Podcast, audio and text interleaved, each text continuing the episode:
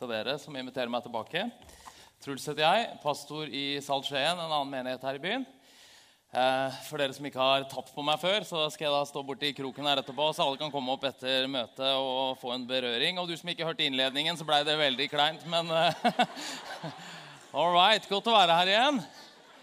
Eh, jeg skal snakke om velkommen hjem. Eh, og siden jeg er med i en annen menighet, så tenkte jeg at det ble litt rart å snakke om velkommen hjem til vår menighet her. Eh, jeg er jo med i fanklubben til Skien misjonskirke også, så jeg skal snakke om gjestfrihet. Jeg vet ikke åssen det er. Eh, hvordan ville du tenkt at det var å ha Guds egen sønn, som er fullstendig uten feil til bords? Jeg ville jo tenkt at det, det, kunne bli ganske slitsomt. At han ville vært planlagt, plagsomt opptatt av eh, manerer.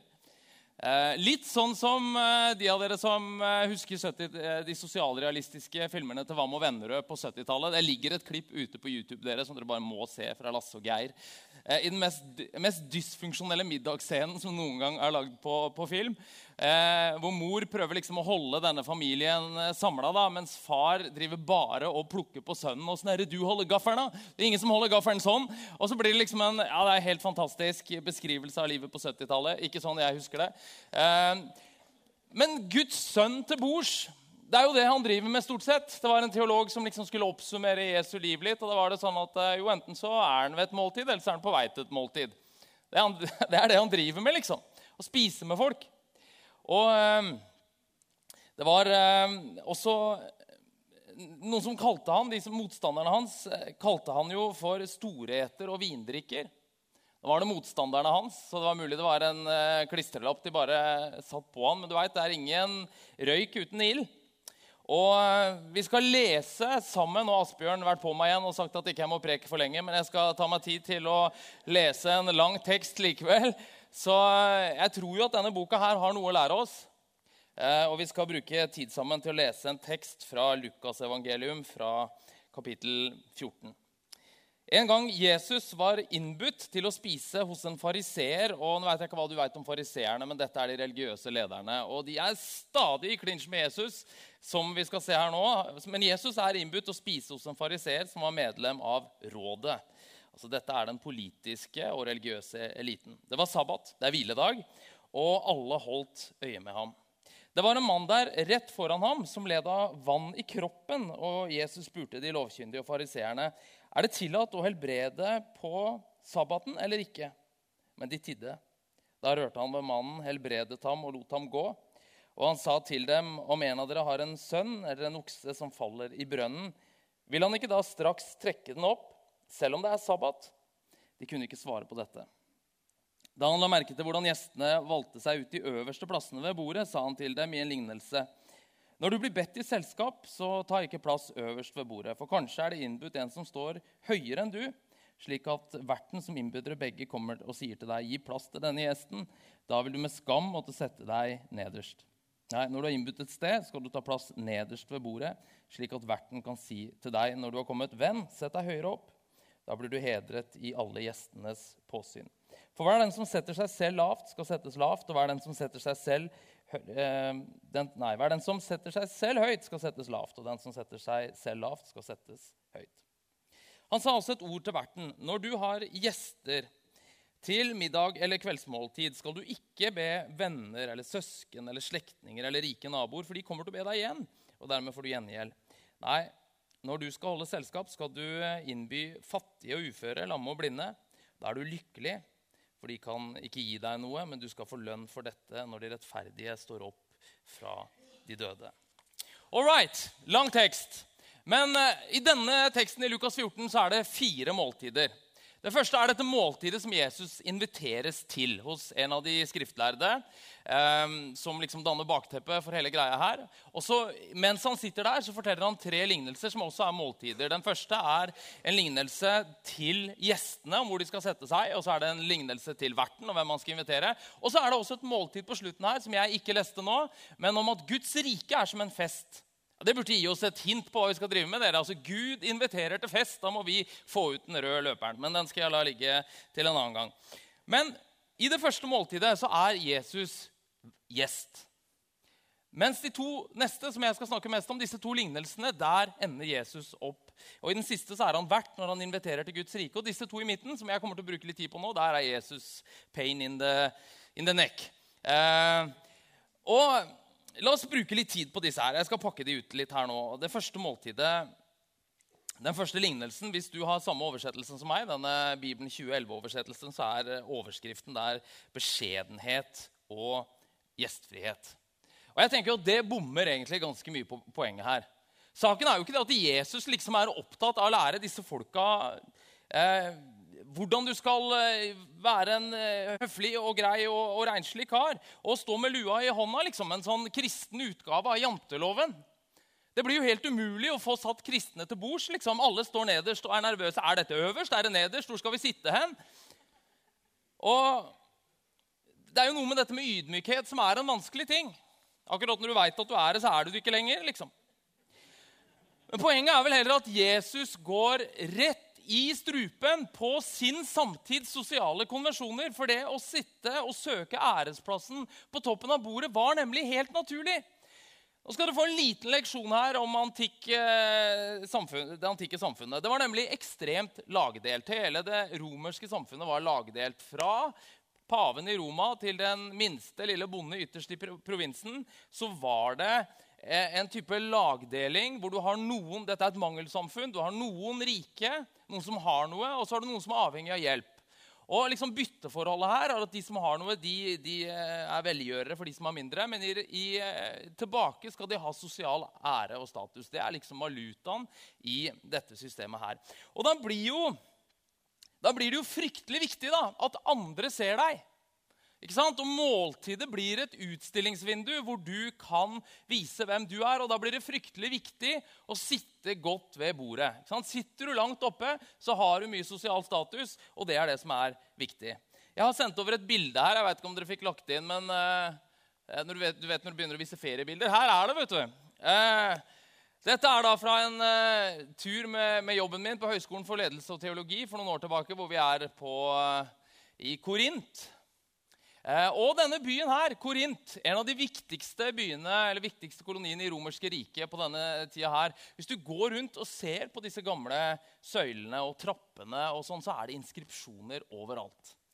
Fordi de som hadde penger, ville bokstavelig talt få navnet sitt hugget i stein. Hvor du liksom skal stå fram og være en som er akseptert og sett opp til. Eh, det er en forsker som sa at offentlig skryting og selvpromotering ble en kunstform i eh, Korint. Heldigvis er det jo ikke sånn hos oss lenger. Her står vi rett foran 2000 år gamle ruiner. Just saying, Det er vi som er i sentrum. Nei, Vi har jo akkurat det samme i vår egen selfie-kultur. Vi vil jo bli sett, og vi vil opp, og vi vil fram. Men det er jo også da et eh, et sosialt press i dette samfunnet hvor ingen vil avskrives som avvikere. Og så ser det et lite øyeblikk ut her som kan, Det er nok feriebilder der nå, egentlig.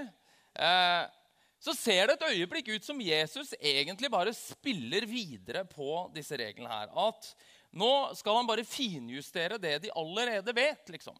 Her er det festløven Jesus som skal gi noen tips på hvordan du likes godt på fest.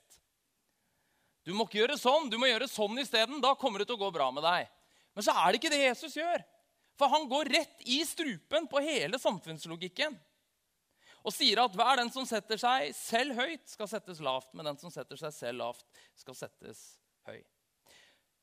Så er det som om Jesus setter spørsmålstegn ved hele måten å tenke på og snur opp ned hele dette kartet som, som eh, den sosiale fiffen navigerer etter. Og bare en liten parentes for dere som er eh, bibelnerder her. Dette er veldig typisk for Lukas. Du vet at De ulike bibelforfatterne har sine kjennetegn. Dette er veldig typisk hvis du leser Lukas, er at han snur opp ned. De som egentlig ikke betydde noen ting, de løftes opp og får en æresposisjon når han skriver fortellingen om Guds rike. Men det er som Jesus krever omstokk ved bordet der. Liksom, og når de deles ut på nytt, så er det de fattige og de som ingen regner med, som får beste, de beste korta, for å bruke mens de rike og mektige og de som er opptatt av sosial status, de sitter igjen med svarteper. For det er ikke det der at Jesus liksom bare skal minne fariseerne på folkeskikk som de allerede kan. Altså, De sitter der med fingrene i begge nesene og fiser og raper. Og Jesus må liksom skjerpe, ja, må dere skjerpe dere litt. Dere veit vel åssen dere skal sitte ved bordet? Nei, det er jo ikke det Jesus gjør. Vi må gi disse gutta litt slakk. For det de gjør, er det som er helt vanlig å gjøre i dette samfunnet. her. Det er liksom å komme seg opp og fram og få den øverste plassen. Men så snur han opp ned på hele greiene. Og så introduserer han et radikalt annerledes verdisett. Og Hvis du leser kirkehistorien om den tidlige, både i Bibelen og den tidlige kirkehistorien, så ser du at de første kristne tok dette på ramme alvor. Hvis du og jeg kunne ta en tidsreise og, og dra tilbake til den første menigheten, så ville vi se noe vi aldri så noe annet sted. For i dette lagdelte samfunnet så samles det grupper av mennesker. De samles jo i hjemmene. De hadde jo ikke kirkebygg sånn som vi har. Så kanskje var de maks 30-40 stykker. De samles i et hjem. Og der vil du sett folk av ulike sosiale klasser, ulike etniske bakgrunner, sitte sammen, dele et måltid, be for hverandre. Ja, De ville sannsynligvis ha på seg litt ulike klær, for noen har mer penger enn andre. De ville kanskje spist litt ulikt mat. Noen var jøder, noen var ikke jøder. Men samtidig så var det noe som verden aldri hadde sett. så er det ikke lenger jøde eller greker, slave eller fri, mann og kvinne, men alt er rett i Kristus, skriver Paulus i Galaterbrevet. Det er som om noe nytt har skjedd i Kristus, og alt det som skiller mennesker, det er tatt bort, for ved korsets fot stiller vi alle likt. Og da når Paulus, eh, Nå blir jeg litt bibelnerd, jeg skjønner dette her, men i Bibelen vår så har vi jo en del brev som bl.a. en som het Paulus, en av de første eh, kristne lederne, sender. og Han skriver noe som heter første Korinterbrev, hvor han skriver til denne menigheten i Korint, dette stedet som dere så bildet fra her. Og Hele dette brevet handler om hvordan de kristne der har tatt inn samfunnsstrukturene i samfunnet inn i menigheten. Så selv når de samles til nattverd, så sier han at det er ikke nattverd dere samles til. For dere, Noen kommer og er sultne, og noen kommer og er mette. Og det virker som at de rike de har liksom sin egen fest og spiser god mat, og så sitter de fattige et annet sted. Og han sier nei, dere kan ikke gjøre dette her. Det er greit at sånn gjør man i samfunnet rundt, men Romerriket slutter ved døra til den kristne kirke. Scott McKnight, en amerikansk teolog, han sier at hierarki, status, nettverk og forbindelser det var imperiet. Men kirken var ikke imperiet.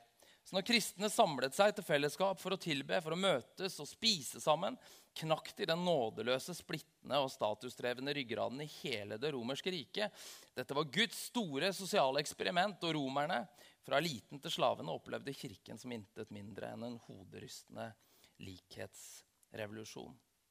Ved korsets fot stiller alle likt, og det må vise seg i måltidsfellesskapet. Ok, Det var den første lignelsen. Og så, Da har jo Jesus snakka til gjestene. Og det er jo, jeg vet ikke om du fikk med dette her, men det er jo noe interessant som skjer rundt dette måltidet. For det sto helt i begynnelsen her at da Jesus kom, så sitter de skriftlærde, de som har invitert ham, de sitter og ser på ham, hva han kommer til å gjøre med denne syke mannen. Og så snur det helt. Og det er som Du går i dyrehagen liksom, og du skal se på dyrene, og plutselig er det du som sitter midt i buret, og dyrene som kikker på deg. For plutselig begynner Jesus å se på dem også. De har sittet og liksom kritisert Jesus. Og så snur det, og så begynner Jesus først til gjestene. ikke sant? For han har sett hvordan dere driver og klatrer. Det er jo reine stolleken der liksom, om å gjøre å komme seg lengst opp på, på toppen av bordet. Og nå henvender han seg til verten. Og så sier han at uh, når du skal ha gjester til middag eller kveldsmåltid, så skal du ikke be venner eller søsken eller slektninger eller rike naboer. De kommer til å be deg igjen, og dermed får du gjengjeld. Nei, når du skal holde selskap, så innby fattige og uføre, blinde og lamme. Da er du lykkelig, for de kan ikke gi deg noe igjen. Jeg vet ikke om du ser kontrasten her. Ja. Det er noen du ikke skal be. Og hvem er det? Venner, søsken, slektninger eller rike naboer. Jeg ser Elise sitter foran her nå og stresser noe voldsomt for å tekste alle vennene og slektningene som nå er invitert og kjenner jeg, For det er noen du skal invitere, Elise, og det er fattige, uføre, lamme og blinde. Er det noen jeg kjenner? Kjenner jeg en blind som jeg kan invitere? Nei, Poenget er jo selvfølgelig ikke her at, eh, at du må Kanskje farmor, liksom, som er ufør og minstepensjonist og begynner å gå dårlig. Og hun kan kanskje komme. Nei, men det, jo vært, det er jo ikke det som er poenget til Jesus. Det ville jo seg selv vært stigmatiserende at du skal gå ut og finne de som har noen skavanker, og invitere dem. Men poenget er jo at igjen så er Jesus liksom in your face på hele den der logikken som disse menneskene har med seg. Fordi hvis det er sånn at måltidet er et utstillingsvindu, så er jo noe med at gjengjeldelsen også er viktig. Så Du vil jo invitere andre som inviterer deg igjen. Og særlig hvis du kan være så heldig å bli invitert til en som er enda rikere og enda mektigere enn deg, så klatrer du liksom i dette systemet her. Det var ikke noe sånn som en gratis lunsj i den romerske antikken. Det var alltid Altså hele, Måltidsfellesskapet reflekterer hele dette sosiale skjelettet. Og det er et bytteforhold. Du inviterer de som kan invitere deg igjen, så dere kan opprettholde den sosiale statusen. Og det er klart at det å invitere samfunnets utskudd, altså de uføre og blinde og lamme og fattige, det er jo bare tull. For det første så risikerer du å eh, altså Det er en bortkasta invitasjon, for den kommer jo ikke til å bli gjengjeldt. For det andre så kan du risikere at du kommer dårlig ut av det, for folk ser at du sitter og spiser med fattige. Det var jo kritikken mot Jesus. Se hvem han spiser med. Han spiser jo med syndere og tollere og hele pakket som vi liksom vil ha langt vekk. Og så er det noe med at vi, man også setter den fattige i forlegenhet, for disse menneskene kan jo ikke invitere deg tilbake. Men så tar altså Jesus til orde for en type gjestfrihet som bygger ned dette skillet mellom dem som er innenfor og utenfor bryter med skikk og bruk og introduserer en ny måte på hvordan vi skal leve sammen i Guds rike. Og dere, Da er det ikke bare det at bordet snur, men Jesus gjør bordet til en krigssone. Og erklærer krig mot isolasjon og eh, alle disse hierarkiene og innenfor og utenfor med kniver og gafler og kjeler og kopper. Og Det er en annen type matkrig enn det vi har sett eh, fariseerne holde på med. De var jo pinlig opptatt av hva som sto på bordet. At det var liksom eh, rette, rette rettene, og folk hadde vaska seg på hendene, og de var renslige og ordentlige. liksom. Og, og, veldig opptatt av hvem som satt rundt bordet, at det var de rette folka. Og det var jo noe av kritikken mot Jesus også. Men så er det noe som Jesus gjør, som ikke konfronterer dietten eller renselsesritualene, men som treffer oss alle sammen midt i hjertet. Og i den kampen om folks hjerter så står måltidet sentralt. Og dere, vi, vi, tenker jo gjerne på gjestfrihet som litt sånn, Det er feminine verdier, og det er oldemors eh, porselensservis, og det er en god sjokoladekake fra Trines matblogg og litt, mm, kos, kos, kos, stearinlys og sånn. Men denne teksten viser jo at gjestfrihet dreier seg om veldig mye mer enn det. For måltidsfellesskapet dere, det dreier seg ikke primært om hva som står på bordet, og hva du skal servere, men det dreier seg om hva slags mennesker er det vi skal være. Og når jeg snakker om måltidsfellesskapet her, så tenker jeg heller ikke på at det må være et svært måltid. Det kan være en pølse med noen i skogen. Det kan være en kopp kaffe på Lykke eller Didier eller et annet sted hvor de ikke har så god kaffe. Eh, eller det kan, jeg mener, det kan være tusen forskjellige ting. Det viktige er at vi setter oss sammen. Og så deler vi liv og mat og måltid sammen. Og dere, her må jeg innrømme, her blir denne teksten plagsomt personlig. Fordi jeg må innrømme at jeg, jeg digger det jo når Jesus grisebanker disse, disse selvrettferdige fariseerne. Jeg elsker de fortellingene i Bibelen når de virkelig får kjørt seg, liksom. Eh, men så skjer jo noe i den teksten her da, som eh, Når jeg leser den, så ser jeg jo at det er jo ikke bare Jesus jeg ligner på i den teksten. for å si Det sånn. Det fins jo en liten fariseer i oss alle. Eh, og det er jo da teksten begynner å, å gå fra liksom å være et fornøyelig oppgjør med selvrettferdighet til å bli plagsomt, en plagsom internrevisjon. Eh, for hvordan ser det her ut for meg, da? Og på en måte så tenker jeg at Vi som bor her oppe, vi stiller jo med et sosialt handikap i utgangspunktet. Jeg mener Vi bor i en del av verden hvor det bare er unger og fulle folk som snakker med fremmede. Det er liksom greit hvis du bor i, i Sør-Europa eller Latin-Amerika. Pizza grandiosa og mamma mia, og liksom, Du har folk rundt deg hele tida. Liksom. Men jeg kjenner jo at ja, jeg kan være ganske intens sosial for en periode. liksom. Det kommer ut et punkt hvor jeg kjenner at nå er det nok. Nå må jeg tilbake og sitte for meg sjøl litt her med bøkene mine. og liksom, Jeg orker ikke å ha folk som skal tyte ut og inn i huset og rote rundt i kjøleskapet mitt og dusjen min og tannbørsten min. og og sette feil i oppvaskmaskinen. Liksom. Men det har nok, vi har jo folk i mitt eget hus som setter feil inn i oppvaskmaskinen. Vi har folk i mitt eget hus som er her i dag, som setter feil inn i oppvaskmaskinen. Jeg orker jo ikke enda flere av de.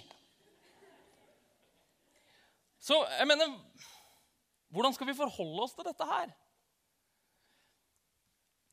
Men jeg tenker jo altså Vi skal jo være oss selv i dette her. Vi er jo forskjellige. Nettopp. Og Derfor trenger vi gjestfrihet. Fordi eh, selve ordet gjestfrihet eh, er et sammensatt gresk ord. Filo, senia. Filo, kjærlighet. Senia, fremmed. Kjærlighet til fremmede. Det er som om hele ordet liksom krever at det ikke bare er folk vi liker å være sammen med, men at, at evangeliet sprenger rom i oss, så vi åpner hjertene for dem som nødvendigvis ikke er like oss selv. Og så sier ikke jeg at vi skal være dørmatte for verden, at du skal slite deg ut. Og, og har jo, det dukker jo de siste årene vært masse TV-dokumentarer og det ene og det andre om folk som har vært i menighetsmiljøer og strekt seg lenger enn det man har indre dekning for. og det er ikke det jeg snakker om, Men vi kan heller ikke bruke det som en unnskyldning på liksom, ja, men jeg er jo bare sånn. Sånn er jeg. Jo, men hvordan ser det ut for deg da, når evangeliet treffer deg? Hvordan ser det ut for meg når evangeliet treffer meg? Hvordan kan jeg ta et steg i denne retningen til å være representant for dette, denne nye realiteten i Kristus som strekker seg ut til verden, og som inviterer andre inn? Altså, Vi lever jo i en kultur er, hvor vi er marinert i valgfrihet og individualisme. Og det var som En amerikansk religionssosiolog eh, konkluderte blant flere ting, men han studerte smågrupper i USA for noen år siden. Og En av konklusjonene det var at dette er ikke reelt fellesskap. Dette er mennesker som kommer sammen for å snakke om seg selv i andres nærvær. Og Det er, liksom, det er klart, det er jo noe annet enn kristen fellesskap. Så flott at dere andre åtte har kommet her i kveld òg og kan høre på at jeg forteller om meg selv. Det er jo ikke kristen fellesskap. Det er jo bare hyperindividualisme. Hvordan kan vi komme forbi oss selv? Så vi er mennesker som inviterer andre inn i denne festen som Gud inviterer til. Og vet du hva, dere? Og dette er kanskje hovedpoenget mitt. Da blir jo det å spise sammen en teologisk øvelse. En treningsarena for livet i Guds rike. Fordi hvis troen er noe individuelt og kognitivt, ja, da er det jo greit. Da kan jeg jo sitte hjemme i godstolen foran peisen og bare tenke på dette her. Ja, jeg tror på Gud Fader, himmelens og jorden skaper, og jeg kan liksom tros... Eh, tro, trosbekjennelsene de er greie. Liksom, jeg tror på jomfrufødsel, og jeg tror på ditt og datt. Og, men i det øyeblikket dette begynner å bli skal forholde meg til andre, at dette ikke bare er noe her oppe, men det er også noe felles, og det er noe materielt Du veit at måltidet er ikke abstrakt. Da er det kjøtt og blod både på bordet og rundt bordet. Og det er fett og karbohydrater og vitaminer, og det er samtaler, og det er folk som spiser ulikt og mener ulikt, og du må forholde deg til noen andre enn deg selv. Og det er jo sånn med disse tingene vi gjør som kristne. Når vi ber, så er det jo ikke jeg håper i hvert fall ikke det er sånn for deg at du ber for at Gud skal bli fornøyd. Ja, da bør du bare slutte med en eneste gang. Gud er veldig fornøyd, og det er ikke pga. de bønnene du har gjort, men pga. det Jesus har gjort. Vi ber jo ikke for at Gud skal bli fornøyd, men jeg ber jo for at verden skal forandres, og jeg skal forandres. Når vi gir, sånn som vi om tidligere her, så er jo ikke det bare for at Torbjørn skal få lønna si. liksom. Vi gir jo for at vi må knekke hele ryggen på det her eh, forbrukermentaliteten som vi er en del av. At vi bidrar. At ikke de tinga jeg eier, skal eie meg. Og derfor må jeg trene ved å være en sjenerøs person. Oh, der kom det! Jeg hadde bestilt et amen. Takk for det. Og Sånn er det også med dette å spise. Det er jo ikke bare noe jeg gjør fordi at jeg, å, ja, men jeg er så åpen og elsker å være sammen med folk. Nei, Det er jo ganger jeg ikke har lyst til å være sammen med folk, men jeg gjør det likevel, for det gjør noe med meg. Det former meg som etterfølger av Jesus, for da må jeg forholde meg til mennesker som er ulikt meg selv. Og kanskje da når du står der ved kjøkkenet etter å ha hatt noen venner over en kveld, og kjøkkenet ser ut som en slagmark, så er det kanskje slagmark det er. For i denne krigen mot isolasjon og frykt og overåndelighet så er det som Jesus maner oss til kamp nettopp med kniv og gaffel og kopper og skjeer og bøtter og spann. Eh, fordi at vi skal formes til å bli et folk som ikke bare har nok med oss selv. Og Da er det jo ikke bare snakk, da er det jo snakk om hva slags folk vi skal være. Det er ikke snakk om hva skal vi servere primært, men det er snakk om hva slags mennesker er det vi skal være. Skal vi være oss selv nok som individer og som kirke, eller skal vi være mennesker som inviterer andre inn? Skal vi bare være like barn som leker best, altså vi liker samme musikkstil og trange olabukser? Eller skal vi være folk som strekker oss ut og lar evangeliet overstyre våre egne preferanser. Og vet du hva? Da trenger du heller ikke å ha noe spesielt da, for å være gjestfri. I vår kultur så er det jo også at vi må liksom ha alt på stell for å være gjestfri. Og der var liksom majoriteten av verdens befolkning ekskludert. For de har ikke fått ny stol fra Home Cottage og nytt porselensservis som de kan vise fram, så da er det jo ikke noe grunn til å være gjestfri. Nei, vet du hva da? Hvis vi tenker sånn, så er det jo Da bidrar vi jo bare til hele dette show-off-greiene i samfunnet vårt. da. At når vi skal invitere noen inn i livet vårt, enten det nå er da, på en pølse på Rustankollen eller hjem en fredagskveld og vi, skal, vi må ha alt på stell. Ja, Da ser jo de at du har alt på stell, og det har ikke de, så da kan jo ikke de invitere deg igjen. Og så får vi hele den tullete spiralen som hele samfunnet vårt er så prega av. Vi må invitere mennesker inn i livene våre sånn som de faktisk er. Og saken er dere, Vi har alle noe å gi. Og vi er alle i konstant behov for å motta. Og det er når vi erkjenner det, at det virkelige kristne fellesskapet vokser fram. Så kan det jo hende da, at vi kjenner på frykt. Frykt for at ikke vi skal strekke til, frykt for at vi inviterer noen som aldri går. Eh, eller at vi aldri blir invitert igjen, eller at vi skal få noen spørsmål som vi ikke veit helt hva vi skal svare på. Spørsmål for å bli misforstått eller misforstå. Eller eh, xenofobi, frykt for fremmede. Det motsatte av filosenia, kjærlighet til fremmede. Fremmedfrykt. At vi er redd for det som er ukjent. Forfatteren av hebreerbrevet skriver eh, Glem ikke å være gjestfrie, for på den måten har noen hatt engler som gjester uten å vite det. Glem ikke filosenia. Glem ikke gjestfrihet. Glem ikke kjærlighet til fremmede. Og dere, så trenger vi ikke å frykte. For Jesus har jo sagt at han skal være med. Han sa det her i denne teksten at uh, når du inviterer noen som ikke kan invitere deg tilbake, så sier han da er du lykkelig, for de kan ikke gi deg noe igjen. Men du skal få lønn for dette når de rettferdige står opp fra de døde. Jeg vet at jeg har brukt liksom bilder på krig og konflikt noen ganger her, og jeg er jo ikke så fryktelig militant. Altså, jeg hadde siviltjeneste i en barnehage. Eh, men jeg har lyst til jeg har lyst til å ta gjestfriheten liksom bort fra rosabloggene og inn i motstandskampen. Ut av finstua og inn i tidsklemma. Fordi vi, vi trenger, både for vår egen skyld og for verdens skyld, å være mennesker som demonstrerer dette livet i Guds rike. Vi trenger å la evangeliet utfordre oss og skape rom i hjertene våre, så vi inviterer andre inn. Og så må du gjøre det sånn som det ser ut for deg. Så må jeg gjøre det sånn som det ser ut for meg, men jeg kan ikke la være å ta utfordringen. For med Jesus rundt bordet så forandres dette veldig trivielle til noe veldig betydningsfullt. Og vi manes til kamp mot isolasjon mot overåndelighet, hvor du bare kan sitte for deg sjøl og si ja til noen ting der oppe, liksom, men ikke forholde deg til menneskene rundt deg. Mot egoisme, fremmedfrykt. Og så er det også en invitasjon, en kjærlighetserklæring til Gud og til livet, til hverandre. Til de som ikke er som oss. Men fordi at de er velkommen ved Herrens bord, så må de også være velkommen ved vårt. Og egentlig, dere selv om jeg syns dette er fryktelig utfordrende sjøl, så er det godt nytt. For å spise, det er noe vi alle kan klare. Jeg er jo pinsevenn. Jeg liker å prise Gud med hendene. Men dere, hva om vi også tilber Gud med tennene? Amen fra tannlegen bak her.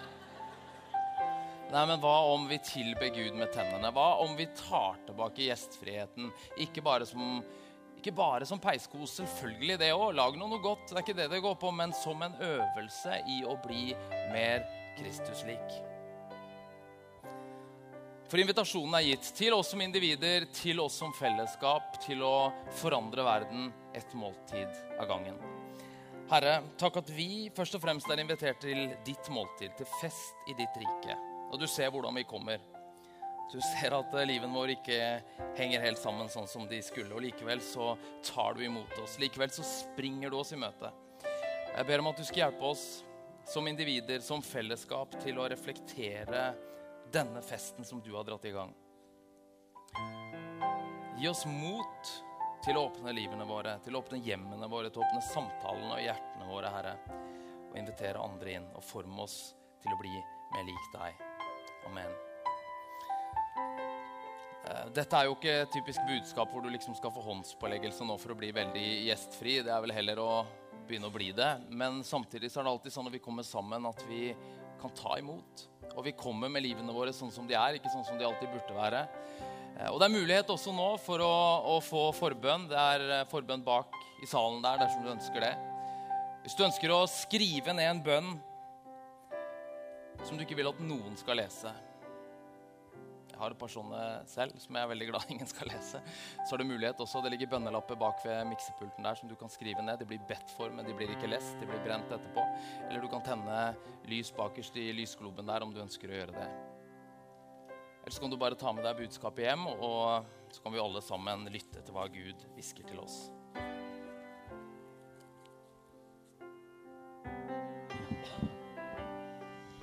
Vi bruke litt tid sammen i lovsang, så da kan vi reise oss opp. Eh, vi skal synge en sang som heter 'Det går en vei mot framtiden'. Og jeg har lyst til at vi skal synge refrenget sammen en gang før vi begynner på sangen.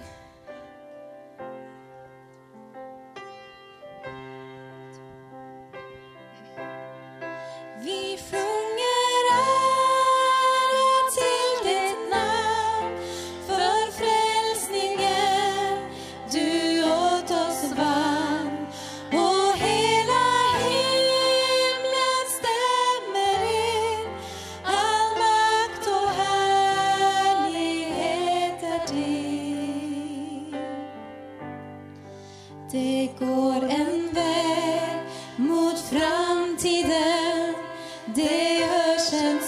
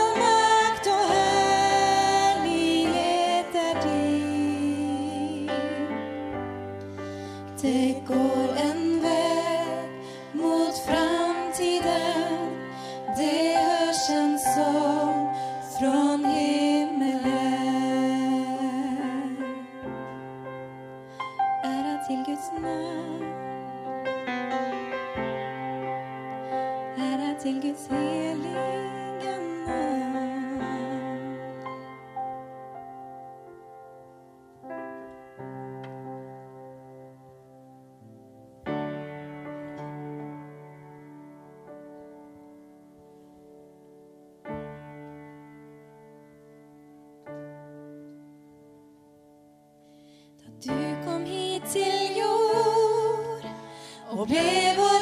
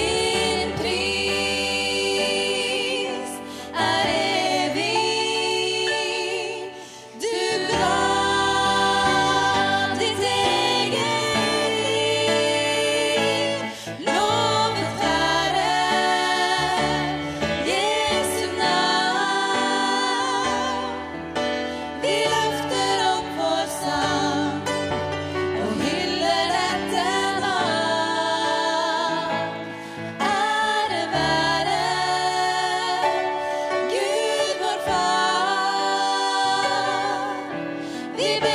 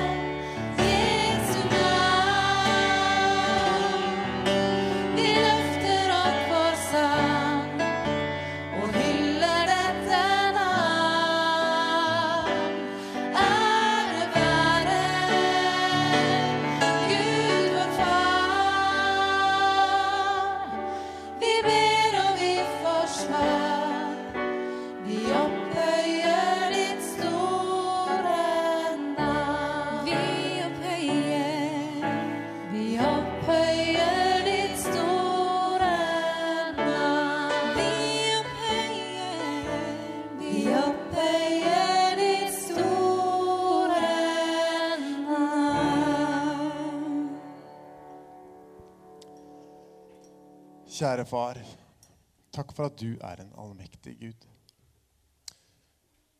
Takk for at du kan snu opp ned på alt. All makt er i dine hender, og du ser de bønnelappene som er lagt oppi her. Du vet hva som ligger bak, kjære far. Du vet hva som ligger i hjertene, hva som ligger i hodene. Hver eneste en kom til de. Vær med hver enkelt. Kjære far, du kan snu alt opp ned. Amen.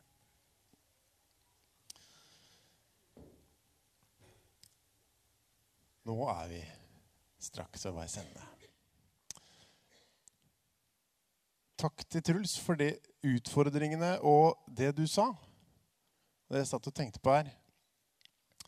Vi kan ta med det ut, men for vi som, vi som fortsatt fyrer med kullgrill, vi vet det. At for, at for at jeg skal klare å grille de kotelettene mine, så har jeg det i kølet. Og det jeg må tenne på, og det må ha luft. Det må ha gjennomtrekk. Og hvis ikke vi blåser på det kølet nå, så, så blir det ikke noe av. Vi må blåse liv i det uka som kommer. Og takk for fantastisk flott sang. Det, det fyller på hos meg, i hvert fall. OK. Jeg hadde en lapp. Skal vi se om vi finner lappen.